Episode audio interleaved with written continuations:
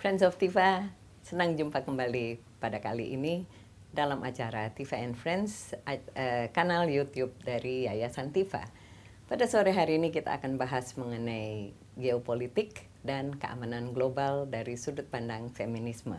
Bersama kami pada sore hari ini Dr. Anis Sucipto, dosen kajian internasional dan dosen hubungan, dosen hubungan internasional dan, dan kajian dan gender. gender dari Universitas Indonesia dan kebetulan Ibu Ani juga adalah anggota Dewan Pengurus dari Yayasan Tifa dan kita akan mulai eh, percakapan pada kali ini dengan Bu Ani panggilnya masa Bu Enggak, Ani aja Ani Jadi, aja panggil aja Ani kita aja. lihat sekarang sedang dunia sedang tegang sekali ya ada kemungkinan meletus perang di Teluk uh, babak kedua atau ketiga dari sebuah cerita usang. Hmm. Itu kalau dari kajian gender dan keamanan global kita harus melihatnya bagaimana, Mbak Ini? Gini ya, um, sebetulnya ini agak lumayan, uh, it's very fortunate. Jadi ketegangan ini sudah agak menurun, tetapi memang menarik kita juga bicara ini dari lensa uh, uh, feminis ya, bagaimana kita kajian-kajian uh, feminis itu mengkaji tentang studi tentang keamanan, studi tentang perang, tentang damai gitu ya, perdamaian. Dan HI biasanya bicara tentang itu gitu ya, kajian-kajian hubungan internasional yang klasik terutama memang berfokus kepada banyak sekali cerita-cerita tentang uh, isu perang dan damai. Nah, nah kajian feminis itu uh, lensa pandangnya melihat feminis itu kan bicara relasi, relasi laki dan perempuan. Mm -hmm. Nah, ketika bicara relasi da laki dan perempuan, itu uh, ada konstruksi uh, uh, apa femininity dan masculinity hmm. gitu ya. HI sama sekali nggak ngomongin tentang manusia.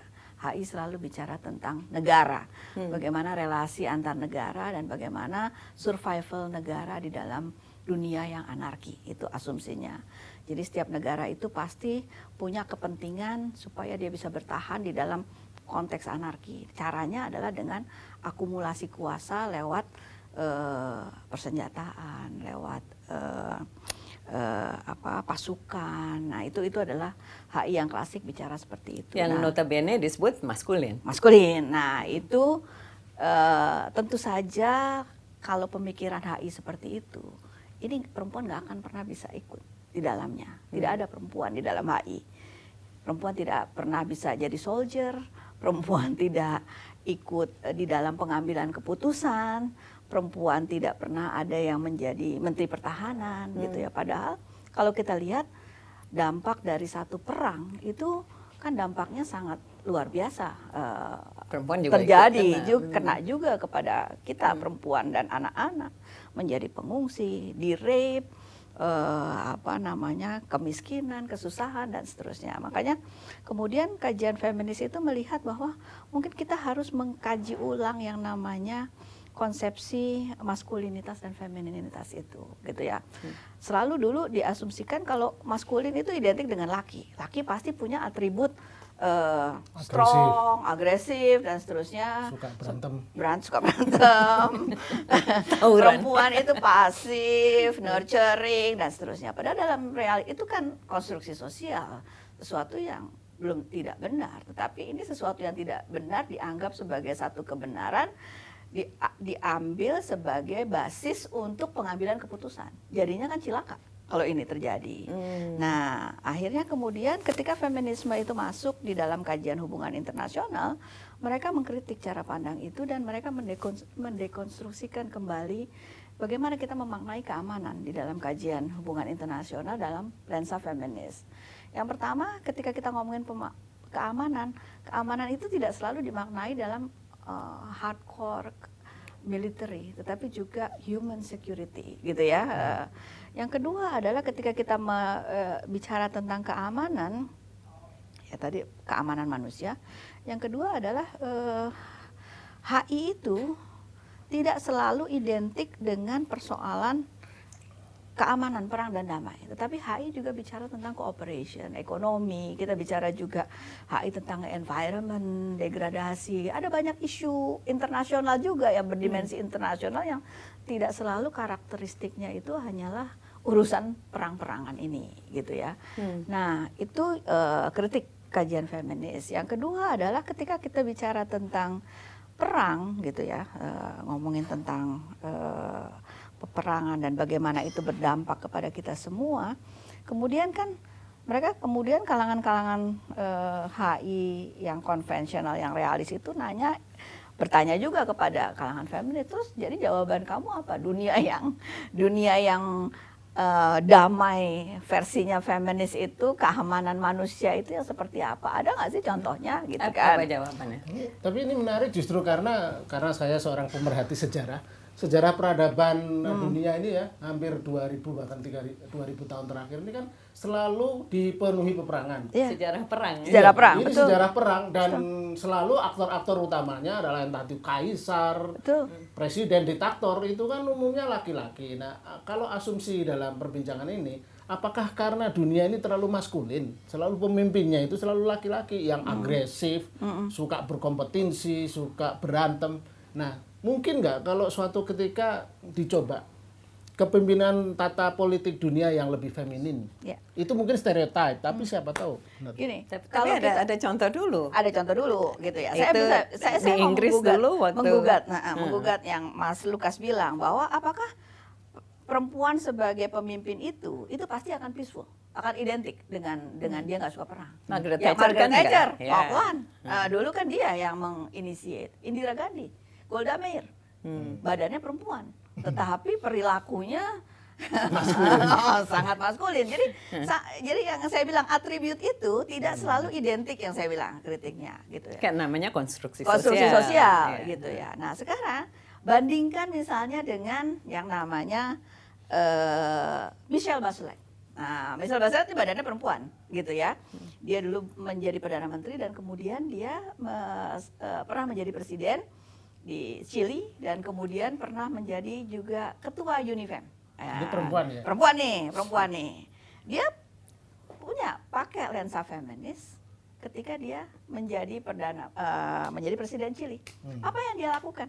Yang dia lakukan itu adalah dia merubah budget anggaran, realokasi budgetnya itu mengurangi budget anggaran militer untuk kesejahteraan. Jadi dia hmm. pakai itu duit-duit yang untuk beli senjata itu untuk tunjangan veteran untuk beasiswa anak-anak uh, tentara-tentara yang bapaknya tewas di medan perang, hmm. untuk pendidikan, untuk kesehatan. Ya, berarti ini contoh yang membenarkan dugaan saya tadi dong. Ya, jadi saya bilang bahwa itu itu bisa terjadi atau misalnya yang paling selalu menjadi model adalah negara-negara Skandinavia. Skandinavia itu tidak hampir nggak pernah perang. Nggak pernah. Nggak pernah perang. Dia adalah uh, agen perdamaian mereka duduk di Dewan Keamanan, ketua Dewan eh, eh, ketua UN kan biasanya dari sana gitu ya.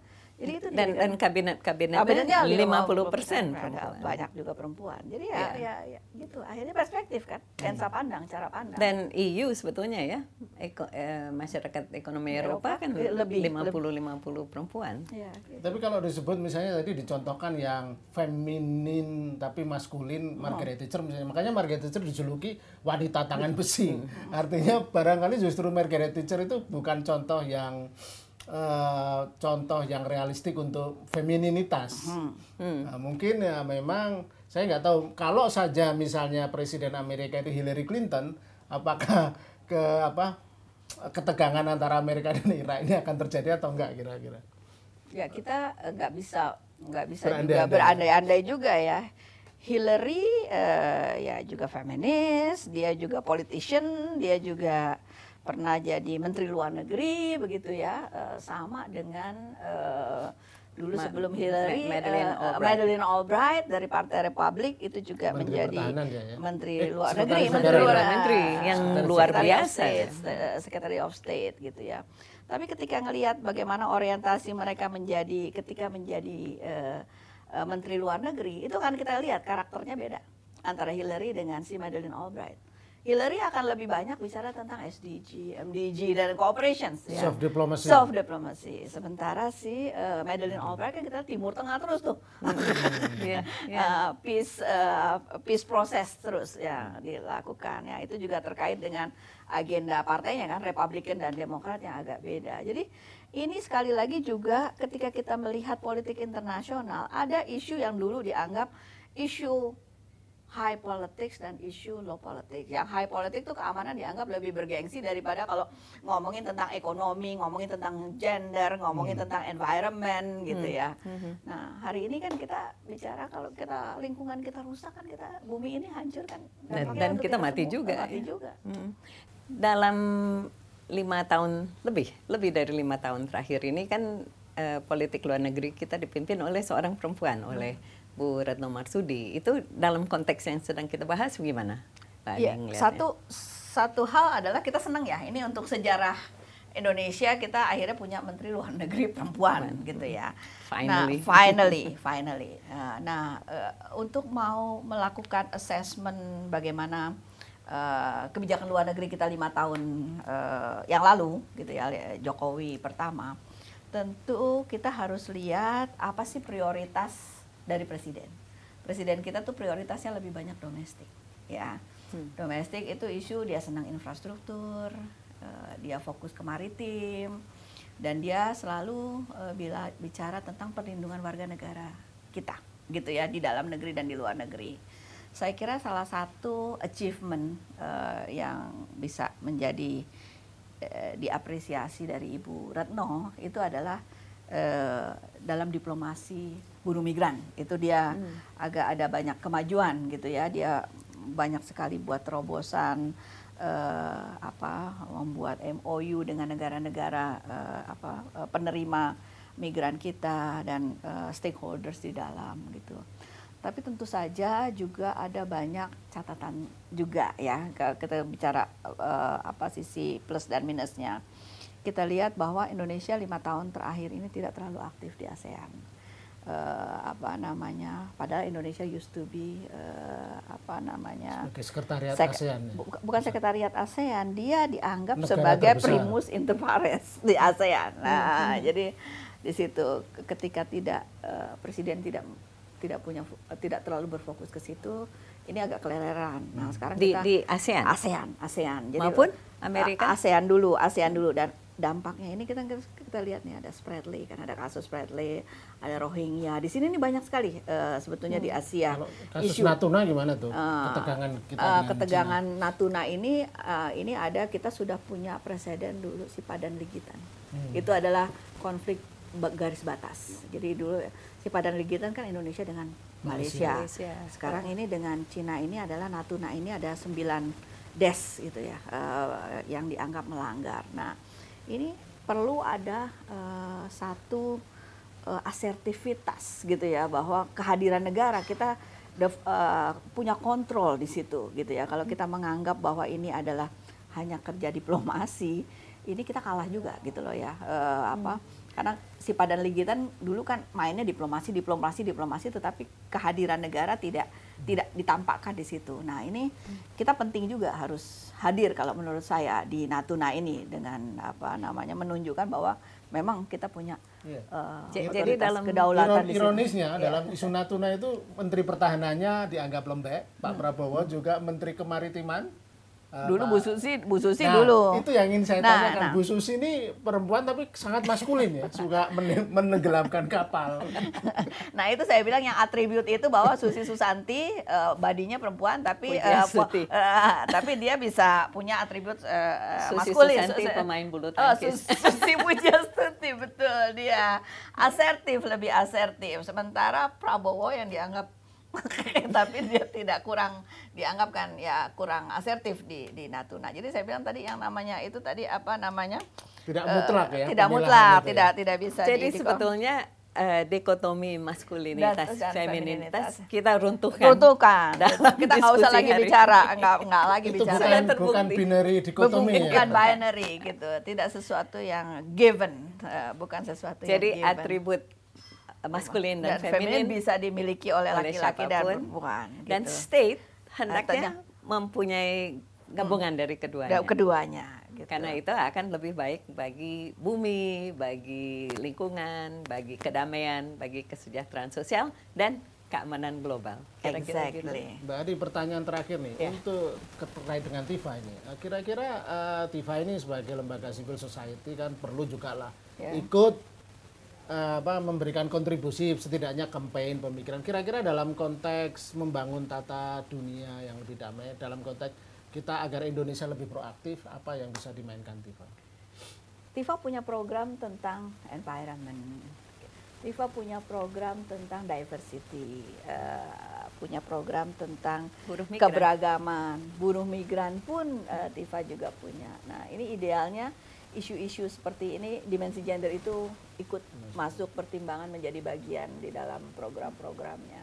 Tapi sejak awal memang cross cutting issue Issues, kan. ya, Gender ya. adalah cross cutting Cross, issue. cross cutting issue. Mestinya lebih di lebih lebih agak di eh, apa namanya eh, lebih eh, lebih agak eh, Lebih di- ke- di- kelihatan lagi ha, lebih diperkuat lagi Baiklah, eh, Friends of Tifa, demikian bincang-bincang kita pada kali ini bersama Ibu Dr. Ani Sucipto.